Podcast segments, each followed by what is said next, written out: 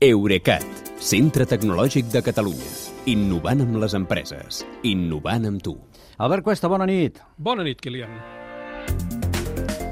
Albert, recordo que a l'inici de la invasió, de la invasió russa d'Ucraïna, vam explicar com el govern de Zelensky estava traslladant els arxius digitals oficials des de la capital, Kiev, aleshores molt en perill, ara una miqueta menys però no gaire, la traslladaven tota aquesta sèrie d'arxius cap a servidors a l'oest del país per posar-los fora de l'abast de l'exèrcit rus.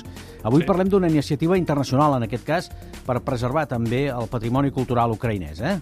Sí, hi ha, com deies la portada, hi ha 1.300 professionals voluntaris d'Europa i Amèrica del Nord que s'afanyen des de fa un mes a descarregar còpies de les pàgines web i del contingut digital dels museus, les biblioteques, les universitats i altres arxius d'Ucraïna per tal de preservar-los en servidors occidentals abans que les bombes russes eh, destrueixin aquestes institucions. Eh, parlem d'informació, però molt, molt diversa. Hi ha dades de censos antics, fototeques històriques, enregistraments de música popular, patrons de punt de creu tradicional, dissenys de rajoles, però també hi ha material vinculat a esdeveniments concrets, com el memorial que documenta els noms i les fotos de les més de 5.000 persones que van participar en la desactivació de la central nuclear de Txernòbil després de l'accident de 1986 i també la documentació de l'Euromaidan, la revolta popular de 2013, que va acabar amb la caiguda del president Yanukovych. Sí. Eh, també hi ha els registres del Lolo- Holodomor, que és aquella política que Stalin va aplicar a Ucraïna als anys 1932 i 33 Terrible, sí. i que va causar, va tan terrible com que va causar la mort d'un milió i mig d'ucraïnesos.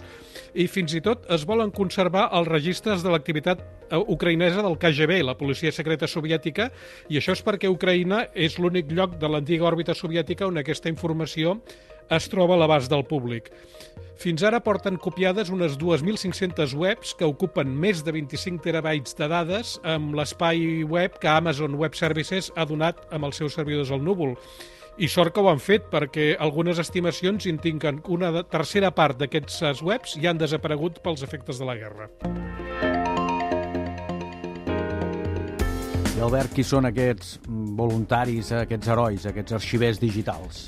Uh, aviam, ho fan voluntàriament, però de fet són professionals, perquè majoritàriament hi tra treballen de bibliotecaris i de documentalistes amb institucions d'Europa i Amèrica del Nord. Ja són del També hi- sector, per tant, eh? Sí, sí, són professionals. També hi col·laboren historiadors i, i ciutadans particulars que es coordinen mitjançant grups de Slack i que fan per Zoom sessions de formació per l'ús de les aplicacions aquestes que fan servir per descarregar el contingut. Una és Web Recorder i l'altra és Browser Tricks Crawler. Un dels grups el formen persones que saben rus o ucraïnès i comproven que les descàrregues fetes potser a cegues siguin completes realment i n'hi ha un altre que es dedica a explorar virtualment amb l'Street View de Google Maps els carrers de les ciutats ucraïneses identificant edificis que portin un rètol de biblioteca o de museu i tot seguit investiguen si disposen d'una web que s'hagi de preservar. Uh, de fet, quan els conservadors d'algunes institucions han sabut que existia aquest projecte, s'han posat a digitalitzar les peces físiques de les seves col·leccions. En algun, ca- en algun cas ho fan en tres dimensions perquè que quedin incloses. Uh, fins ara no ho he dit, la iniciativa la van posar en- marxa una bibliotecària de la Universitat de Tufts, una de la de Stanford i una altra de Viena. I es diu Sucho, S-U-C-H-O, que són les sigles en anglès de Salvem el Patrimoni Cultural Digital d'Ucraïna, i es pot trobar a l'adreça sucho.org, on et pots apuntar per ajudar, sigui suggerint webs per copiar, posant-hi hores del teu temps o fent una donació.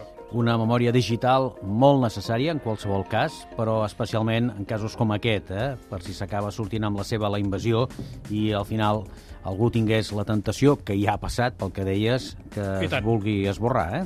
I tant que sí, és exactament això. Gràcies, Albert, que vagi molt bé. Bona nit, Kilian, fins demà. Eurecat, centre tecnològic de Catalunya. Innovant amb les empreses. Innovant amb tu.